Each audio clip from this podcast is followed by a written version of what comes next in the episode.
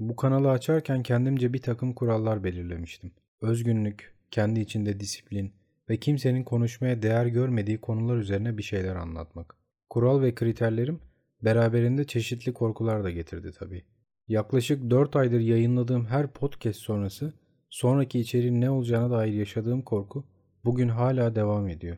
Dolayısıyla övgü dolu dönüşler alsam bile o gün yayınladığım içeriğin heyecanını yaşayamıyorum. Çünkü içeriği yayınladığım an sonraki podcast'in çalışmalarına başlamam gerekiyor. Fakat ben hala bir sonraki içerikte hangi tuhaf düşünceden bahsedip bir kişi bile olsa o podcast'i dinleyen insana nasıl yeni bir fikir, yeni bir bakış açısı vereceğimi düşünüyorum. Ama son dönemde olanlar bana bir kez daha hatırlattı ki bu ülkede ne konuşulacak krizler biter ne de üzerine yeni fikirler üretilecek konular. Beni bu düşünceye sevk eden şey birçoğumuzun malumu olduğu üzere sokak röportajında AKP'li bir partizanın ağzına telefon sokulması oldu.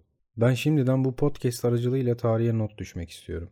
Olur da yaşlanabilirsem ve akıl sağlığımı kaybetmeden yaşlı ve huysuz bir dede olabilecek yaşa gelebilirsem, 70 yaşında hayattan sıkılmış bir şekilde köşemde otururken lavuğun biri gelip de ''Ne yapıyorsun sen dedem, köşene mi çekildin sen?'' diye kafa açarsa ve elinde telefon Şimdi de 70 yaşındaki Baran dedemizle sohbet edeceğiz diye taşak geçerse elimdeki bastonu götüne sokarım. Eğer gücüm yeterse başka şeyler de yaparım. Şimdiden uyarıyorum. Ama o yaşımda akıl sağlığını yitirmiş bir geri zekalı olarak genç insanların kaderiyle oynuyorsam söylediğim bu bütün şeyleri genç arkadaşlar bana yapabilirler. Ben şu son dönem olanları biraz heves kırıklığına benzetiyorum aslında. Hani bir şeye ihtiyacımızı belirleyen aslında ona duyduğumuz yoksunluğun şiddetidir ya. Bu ülke biz evlatlarına bunu yapıyor gibi geliyor. Hani çıkıp iki bira içmek, kafa dağıtmak istersin de gecenin sonunda bunun ağır bir faturası olacağını hatırlatan gizli bir el hevesini kaçırır ya. Ondan bahsediyorum işte. Hani filmlerde sigaradan iki nefes aldıktan sonra atarlar ya böyle havalı havalı. Ya da aç bir şekilde sofraya oturur esas kahraman ama bir telefon gelir ya da işi çıkar ve iki lokma yiyip masadan kalkar. İşte biz bu ülkenin AKP iktidarı mağdurları olarak son 20 yılımızı böyle yaşadık gibi geliyor bana. Sigaradan derin bir nefes alıyoruz ve yanı başımızda devletin karanlık gölgesi beliriyor. Tam iştahla yemek yemek için masaya oturuyoruz. İştahımızı kaçıracak boktan bir haber düşüyor gündeme. Yani özetle hepimiz, her birimiz iştahı kaçırılmış, yaşama sevinci elinden alınmış siyasal İslam mağdurlarıyız. Her birimiz hayatlarımızın oyununu oynamak için sahneye çıkmışız ama kimse bilet alıp da gelmemiş gibi bir şaşkınlık ve yalnızlığa boğulmuş gibiyiz. Bahsini ettiğim sokak röportajındaki telefon olayı da aslında bu kaçan heveslerimizin somut bir neticesi. Artık kendi elleriyle yarattıkları karşıt kitlenin kendilerine tepki verdiklerini görüyorlar. Ve onlar 20 yıldır kendileri gibi ahlaksız bir tutum sergilemeden sabırla olan biteni anlatmak isteyen kitlenin böyle tepkiler vermesine alışkın değiller. O yüzden bu şaşkınlıkları. Onlar hala 20 yıl boyunca yaptıkları gövde gösterisine devam etmek istiyorlar. Altın varaklı tepsilerinde pahalı meyveler yemek istiyorlar. Lüks araçlarından otobüs içlerine bakıp orta sınıfa acımak ve bu yolla vicdanlarını rahatlatmak istiyorlar. Ama yarattıkları karşıt kitle artık bu boktan düzenin değişmesi gerektiğini açık açık dile getirmeye başladı. Çünkü benim gibi, sizin gibi, pek çoğumuzun bildiği gibi boktan da olsa bu düzeni onarmak, yeni bir çağ yaratmak sadece belli bir zümrenin elinde değil. Demokrasi denen karmaşık adalet duygusuna herkesin ihtiyacı var. Ama buradaki bozuk denge bu kanser kitlenin 20 yıldır iktidarda olmasına rağmen hala mağdur olmalarında. İşte benim boku yediğimizi düşünmeme neden olan, pek çoğumuz gibi bu ülkeden umudu kesmeme neden olan şey de burada başlıyor. Duygu sömürüsü. Demagoji demiyorum, direkt olarak duygu pornosundan bahsediyorum. Örneklendirmek gerekirse, yakın zamanda ülke tarihinin en büyük yangın felaketlerinden birini yaşadı bu ülke. Ben Antalya'da yaşıyorum. Dolayısıyla Manavgat'a giden yardımları, o güzergahta oluşan trafiği falan gördüm. Yangının nasıl çıktığı, neden böylesi sonuçlar doğurduğu kısmına girmiyorum. Bu apayrı bir içeriğin konusu zaten. Bu örneği vermemin nedeni bu felaketten bile kendi çıkarına bir şeyler devşirenler oldu.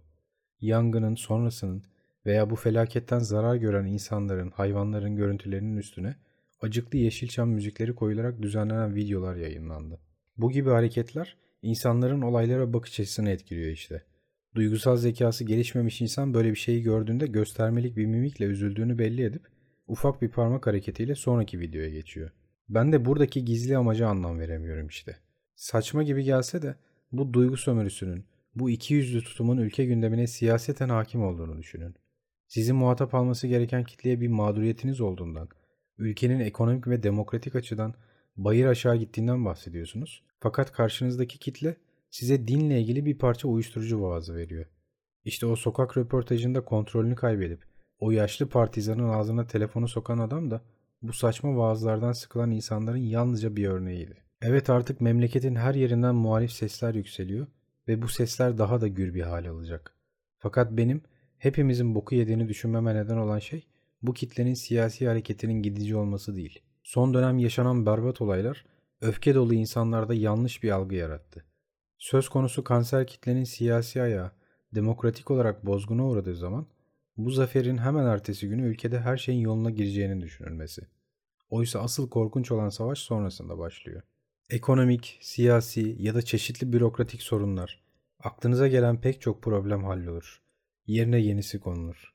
Ama eğitim ve ahlak bunların yerine konulması, onarılması bir ulus için bazen bir asır alabilir. İşte ülkece boku yediğimizi düşünmeme neden olan asıl tehlike de burada gösteriyor kendini.